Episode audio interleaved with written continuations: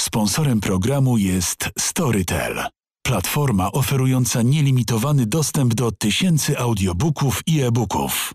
Kasia Rodek, dzień dobry, dzień dobry, dzień dobry. Dzisiaj ostatni już specjalny program o zmianach klimatu. Od początku kwietnia wraz z ekspertami z WWF zajmujemy się wizją Polski za niespełna 30 lat. 2050 Polska dla pokoleń Wybierzmy przyszłość to raport WWF o tym, jak może wyglądać życie w naszym kraju.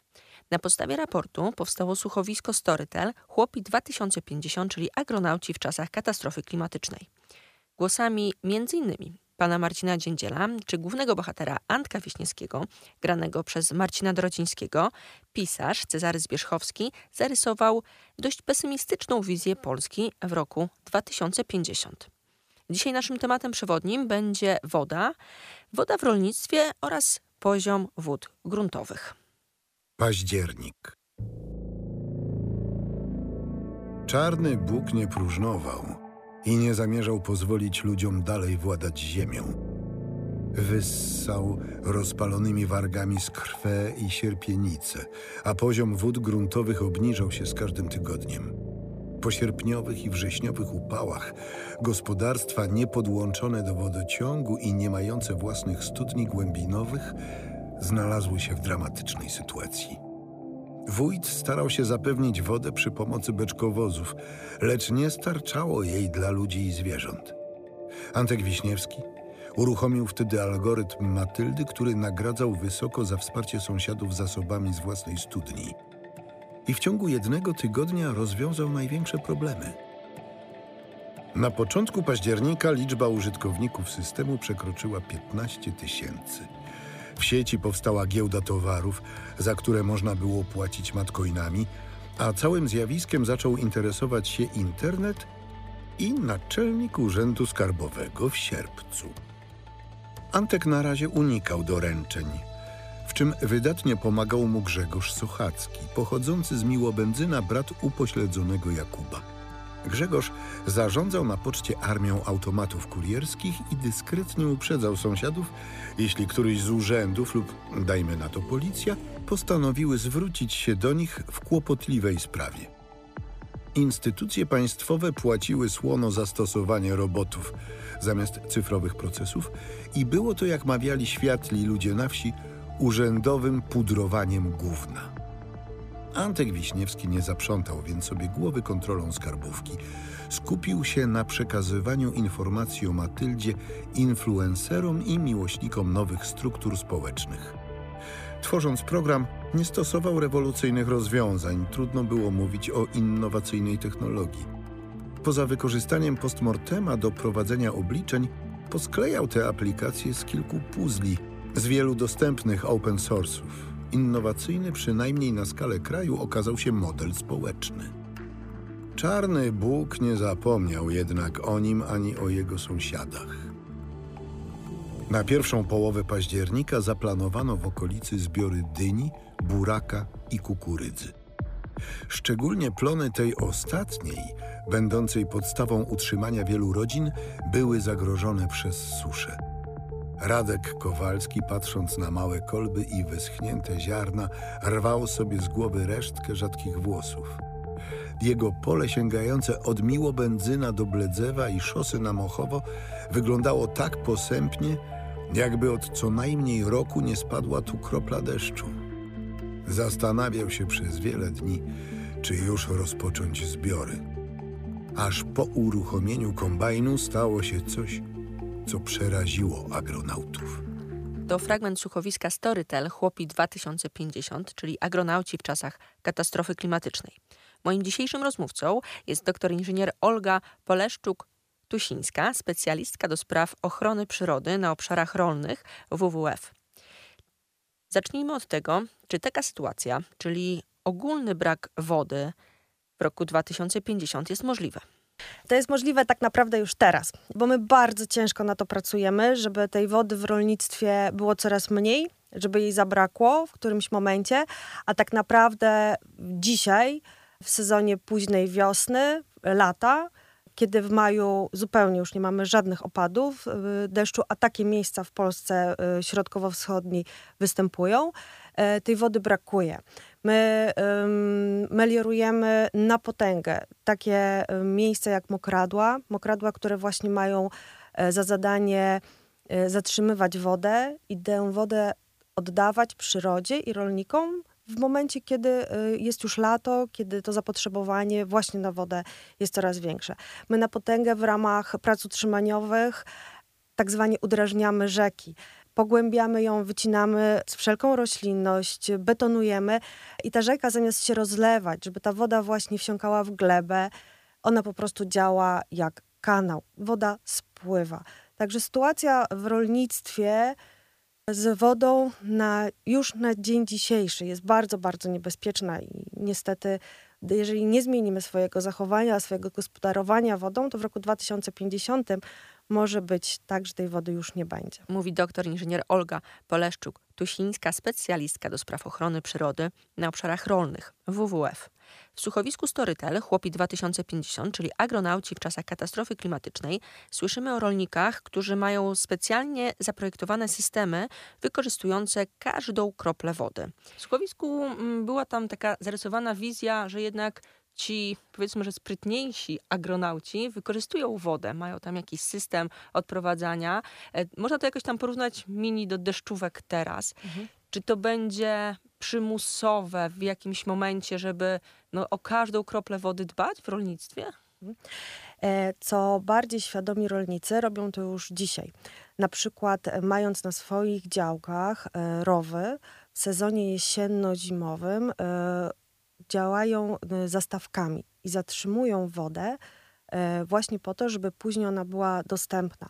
Dzięki temu e, poziom wód gruntowych u nich w gospodarstwach jest wyższy. Ta gleba jest bardziej e, jakby nasączona wodą. Zastawki działają bardzo dobrze w sezonie właśnie jesień, wczesna wiosna. Wystarczy nawet zobaczyć takie świetne projekty w Ujściu Warty, Park Narodowy Ujście Warty. I tam y, ta woda dla rolników jest dostępna. Tylko rolnicy nie chcą tego robić. Oni dopiero muszą zobaczyć zyski, jakie mają właśnie w okresie zbiorów, kiedy ta woda jest.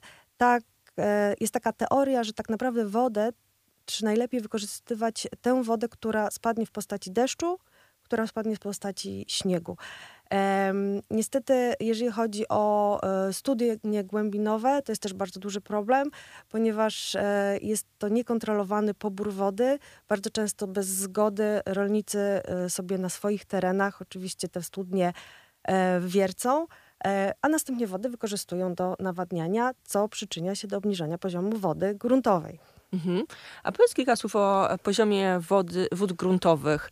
Jak to jest ważne w rolnictwie? Mhm. Na przestrzeni ostatnich lat e, poziom wód gruntowych w Polsce zmniejszył się o e, 2 metry. To znaczy, że, po, że gleba, która e, za e, gdzie rosną rośliny, gdzie rosną zboża, drzewa, krzewy, ona jest coraz bardziej wysuszona. To znaczy, że system korzeniowy nie jest w stanie pobrać wody do odżywiania rośliny. Hmm? Czyli my potrzebujemy utrzymywać odpowiedni poziom wód gruntowych. Czy to jest jakaś, nie wiem, norma? Jak to jest? To jest tak naprawdę jak najwyższy poziom. Y, y, są bardziej dostępne dla e, dla roślin, dla systemu korzeniowego y, jest ona dostępna. Oczywiście z, w okresie powodzi rolnicy są zawsze oburzeni, że przecież trzeba zmeliorować, trzeba ją odprowadzać, tak, ale powódź jest chwilowa. Ona za chwilę odejdzie, E, i nie możemy e, wszystkiego osuszać, bo będzie powódź. Tak samo trzymanie rzeki w wałach przeciwpowodziowych to jest tak naprawdę poprowadzenie, tak jakby poprowadzenie wody rurą. Przyroda nic z tego nie ma. Bo mamy do czynienia z skrajnymi e, sytuacjami. Czy ogromna susza, czy jakieś właśnie mm, deszcze, burze, anomalie pogodowe. Jak wytłumaczyć rolnikom, że, jak mi się wydaje, powinni być przygotowani na dwie takie skrajne sytuacje? Mhm. E, musimy najpierw spojrzeć e, na to, co się stało na początku tego procesu. To znaczy, rolnictwo w powojennej Polsce e, było coraz bardziej zintensyfikowane. E, I były zagospodarowywane tereny e, dolin rzecznych, ponieważ są to żyzne tereny, na cele rolnicze. Czyli przekształcono łąki, które były naturalnymi strefami buforowymi, które były terenami jakby retencjonującymi te rozlewane y, rzeki w grunty orne. I teraz rolnik jest oburzony, ponieważ jego pole dochodzi do y, rzeki, do rowu, która wylewa, ale ona ma prawo wylewać i wręcz powinna w okresie właśnie wczesnowiosennym. Ci rolnicy, którzy już są bardziej świadomi, doskonale wiedzą, że powódź jest chwilowa, że ona da wodę w sezonie późniejszym. Bardzo takie silne opady deszczu y, nie są niebezpieczne, ponieważ tak naprawdę ten deszcz spływa do rowów, rowami do rzek. To jest proces krótkotrwały. My mówimy o powodziach, kiedy rzeczywiście rzeki wylewają, ale one wylewają na wiosnę. To jest naturalny proces, który postępował od lat. Dzięki temu mamy niesamowicie wysoki poziom e, różnorodności biologicznej. W tym roku po raz pierwszy od lat narew i biebrza rozlały się, tak jak za dawnych e, starych czasów. To, ile ptaków wróciło, ile ptaków tam śpiewa, gatunków, które są absolutnie uzależnione od występowania wody, to jest widok niesamowity. Ale żeby on występował, to rzeczywiście musimy tej przyrodzie dać trochę swobody i wolności. Rozmawiamy dzisiaj o wodzie, głównie wodzie w rolnictwie. Naszym przewodnikiem jest słuchowisko Storytel Chłopi 2050, czyli agronauci w czasach katastrofy klimatycznej. Późnym wieczorem 7 października Antek Wiśniewski zobaczył na niebie jasną łunę od strony sierpca. Patrzył w osłupieniu na niebo gorejące na południowym wschodzie i już miał wrzucić do lokalnej sieci zapytanie o przyczynę, kiedy na drodze zawył klakson dwuosobowego kłada należącego do Darka Tucholskiego. Tego rozpaczliwego rzężenia, jakby ktoś zażynał wielkie zwierzę, naprawdę z niczym nie dało się pomylić. Panie Antku! Pole Kowalskiego się pali. Możemy mu jakoś pomóc? Czekaj, Darek. Czekaj, niech się chwilę zastanowię. Antek zacisnął powieki. Jedziemy na miejsce zobaczyć. A ty połącz się z Michałem Rzeszotarskim, on tam mieszka niedaleko. Niech bierze największy pług, jaki ma na stanie i jedzie tam wielkim Ursusem. A po co pług? Jest potrzebny i sam może nie wystarczyć. Antek zajął miejsce na siedzisku za Darkiem. Niech Kalinowski wyciąga ładowarkę i wygniecie szeroki pas ziemi, który potem zaorze Rzeszotarski. Trzeba odciąć ogień, żeby się nie rozprzestrzeniał. Przynajmniej trzeba spróbować. Wywoła ich przez słuchawkę. Darek nie żałował koni mechanicznych, elektrycznego rumaka i po pięciu minutach, w trakcie których kolacja wskoczyła Antkowi z powrotem do gardła, stanęli na Piaseczyńskiej. Tłum ludzi falował na drodze, a zastępy straży pożarnej zjeżdżały się jeden za drugim. Nikt ze zgromadzonych nie poleciał gasić ognia, bo nie było wody do gaszenia. Strażacy przeklinali hydrant, który okazał się niesprawny.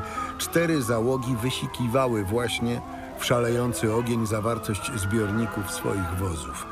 I niewiele więcej mogły zrobić. Antek dojrzał w tłumie Leszka Kowalskiego, brata Radka. Miał osmaloną twarz i ręce, rozpruty rękaw koszuli i nadpaloną nogawkę. Wyglądał jak siedem nieszczęść. Stara Kowalska w dziwnym zapętleniu to głaskała go po głowie, to znowu usiłowała przetrzeć policzki chusteczką. Co się stało, Leszku? Skąd ten ogień? Panie Jandku, nie wiem, co się stało. Wyjechałem przed wieczorem na pole, żeby nie smażyć się w słońcu i zdążyłem popracować pół godziny, gdy kombajn zaczął się tlić, a potem palić. Wszystko było takie suche, że żar aż buchnął do góry. Ledwo uciekłem na drogę. Kalinowski i Rzeszotarski, wezwani przez Darka Tucholskiego, zaparkowali niemal jednocześnie na poboczu drogi. Porozmawiali chwilę z kierującym akcją starszym ogniomistrzem Gadzińskim i ruszyli zabezpieczać teren od strony Piasków i Bledzewa. Tadeusz Gadziński pogratulował Antkowi pomysłu, chociaż nie był święcie przekonany, czy w ten sposób powstrzymają żywioł. Antek stwierdził z przekąsem, że nie słyszał jeszcze, żeby ogień dało się ugasić suchym wężem, przekleństwami i modlitwą. A na samolot gaśniczy z Płocka poczekają zapewne do jutra. Zaraz potem musiał uciekać na szosę, bo kawałki tlących się liści poleciały w stronę zgromadzonych. To fragment słuchowiska Storytel, Chłopi 2050, czyli agronauci w czasach katastrofy klimatycznej. Rozmawiamy o wodzie w rolnictwie, o tym, jak to może wyglądać w roku 2050. Naszym ekspertem jest doktor inżynier Olga Poleszczuk-Tusińska, specjalistka do spraw ochrony przyrody na obszarach rolnych WWF. Rozmawialiśmy o skrajnych sytuacjach e, suszy i powodzi. Czy brakuje czegoś w takiej świadomości przeciętnego rolnika mm, właśnie na temat czy wylewania e, rzek, czy suszy? Czy, czy to jest tak, że mm, pewne rzeczy się zmieniły, a rolnik się nie przystosował, czy ja wyolbrzymiam? Nie, nie wyolbrzymiasz, masz rację. Po pierwsze, rolnicy mają takie podejście, e, nie wszyscy, nie globalnie oczywiście, ale większość z nich ma takie podejście, że tak jak kiedyś było i działało, tak jest. Tylko, że my e, swoim działaniem przyczyniliśmy się niesamowicie do zmian klimatu. E, weź pod uwagę, że w ostatnim stuleciu temperatura nam wzrosła, średnia oczywiście, o 2,5 stopnia. Zwiększa się temperatura, czyli zwiększa się parowanie. Tej wody jest coraz mniej młodzi ludzie, młodzi rolnicy, którzy właśnie zaczynają eksperymentować z taką gospodarką wodną, e, bardzo często na początku e, narażeni są na kpiny. A tam wymyśla, a tam głupoty.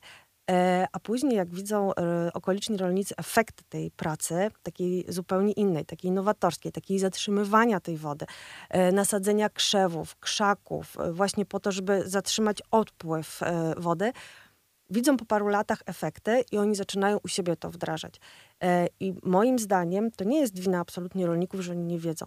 E, po to są jednostki naukowe, po to są instytuty technologiczne, po to są doradcy rolniczy, żeby tego rodzaju szkolenia, e, może wyjazdy studyjne, może gospodarstwa pokazowe im przybliżać. Słuchowisko Storytel, Chłopi 2050, czyli agronauci w czasach katastrofy klimatycznej, jest oparte na raporcie WWF 2050 Polska dla pokoleń Wybierzmy przyszłość.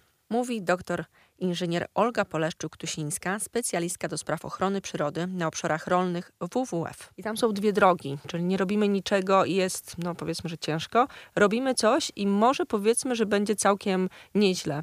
Po której stronie ty jesteś? Jak to sobie wyobrażasz? Wiesz co, no my jako WWF, ale ja też prywatnie bardzo dużo staramy się zrobić też w praktyce. Oczywiście z jednej strony y, mamy, y, jesteśmy członkami koalicji, koalicji klimatycznej chociażby, która właśnie między innymi zajmuje się gospodarowaniem wody w rolnictwie, gdzie próbujemy mm, opracować e, właśnie taki system gospodarowania wodą, zatrzymywania, jakiejś retencji. Z drugiej strony pracujemy z taką jednostką jak Centrum Doradztwa Rolniczego, gdzie e, staramy się brać udział w konferencjach i szkoleniach doradców rolniczych, którzy dalej jakby przekazują tę wiedzę rolnikom. E, ja też jestem ekspertem przyrodniczym, czyli robię inwentaryzację i podpowiadam rolnikom, jak mogą gospodarować na swoich terenach, żeby zatrzymać wodę. Mi tak naprawdę zależy, żeby utrzymać tę bioróżnorodność, ale ta bioróżnorodność jest utrzymywana właśnie dzięki wysokiemu poziomowi wody. E, wydaje mi się, że nie możemy się poddać już na początku. Oczywiście zmiany klimatu są, one będą się działy, my już tego nie zatrzymamy, e, ale my mamy bardzo duży wpływ na wszelkie decyzje, które są podejmowane. E, my jesteśmy dosyć dużym NGO-sem, jest, mamy mm, duże kontakty, staramy się, mamy także biura za granicą, prawie w wielu mm, państwach. E, czerpiemy od nich e, pomysły bardzo często na projekty realizowane chociażby w Szwecji, gdzie właśnie było E, przywracanie terenów podmokłych w korytach rzek, właśnie po to, żeby zrobić taką strefę buforową, e, zatrzymać zanieczyszczenia, zatrzymać eutrofizację Bałtyku, no bo Szwecja też e, jest, no, ma duży wpływ na jakość wód. Próbujemy to przenieść na nasze poletko. Także wydaje mi się, że patrzmy optymistycznie, nie poddawajmy się i, i na pewno nie mówmy, że nic się nie da zrobić. Czy w kontekście tych tematów, o których rozmawiałyśmy, coś jeszcze jest do dodania? Tak, jedna rzecz e, bardzo istotna to w słuchowisku i też mi się zdarzyło teraz właśnie brać udział w gaszeniu łąk. Przeogromna prośba, e, żeby w sezonie jednak wiosennym, e, jesiennym, kiedy te łąki są suche, powstrzymać się przed papierosami, zwracać uwagę i naprawdę przestać wypalać łąki, bo jest to tak duże zagrożenie. My w tym roku gasiliśmy łąkę, e, przyjechała straż pożarna, ale wioska była malutka, zanim przyjechała to było jakieś 15 minut. Całą wioską żeśmy gasili tę e, łąkę, ponieważ był bardzo silny wiatr i ogień szedł na zabudowania. Jeżeli będzie taka sytuacja, jak właśnie w słuchowisku, że nie będzie czym gasić tej wody, to ta wioska byłaby spalona. Przeogromny apel, aby zaprzestać wypalania łąk. To, to naprawdę nie ma sensu. To ostatnia już specjalna audycja o zmianach klimatu. Na naszej stronie radiocampus.fm znajdziecie podcasty wszystkich audycji oraz artykuły dotyczące tych poszczególnych tematów naszych rozmów. Na naszym portalu i w naszych social mediach znajdziecie także odnośniki do słuchowiska Storytel Chłopi 2050 oraz do raportu WWF. Kasia Rodek, do usłyszenia. Sponsorem programu jest Storytel. Platforma oferująca nielimitowany dostęp do tysięcy audiobooków i e-booków.